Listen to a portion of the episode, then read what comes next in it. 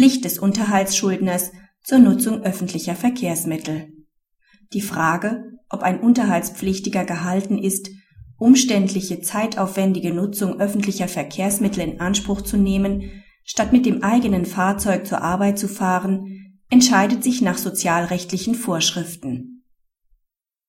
Die Kindesmutter wird auf Kindesunterhalt in Anspruch genommen. Sie ist seit 2006 als Krankenschwester bei verschiedenen Pflegediensten tätig. Sie macht konkrete berufsbedingte Aufwendungen für Fahrten mit dem Kraftfahrzeug zur Arbeit geltend.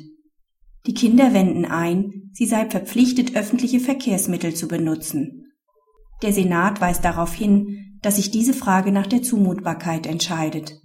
Nach 121 Absatz 4 Satz 2 SGB II sind Pendelzeiten von mehr als zweieinhalb Stunden bei einer Arbeitszeit von mehr als sechs Stunden unverhältnismäßig. Nichts anderes gilt im Unterhaltsrecht. Praxishinweis.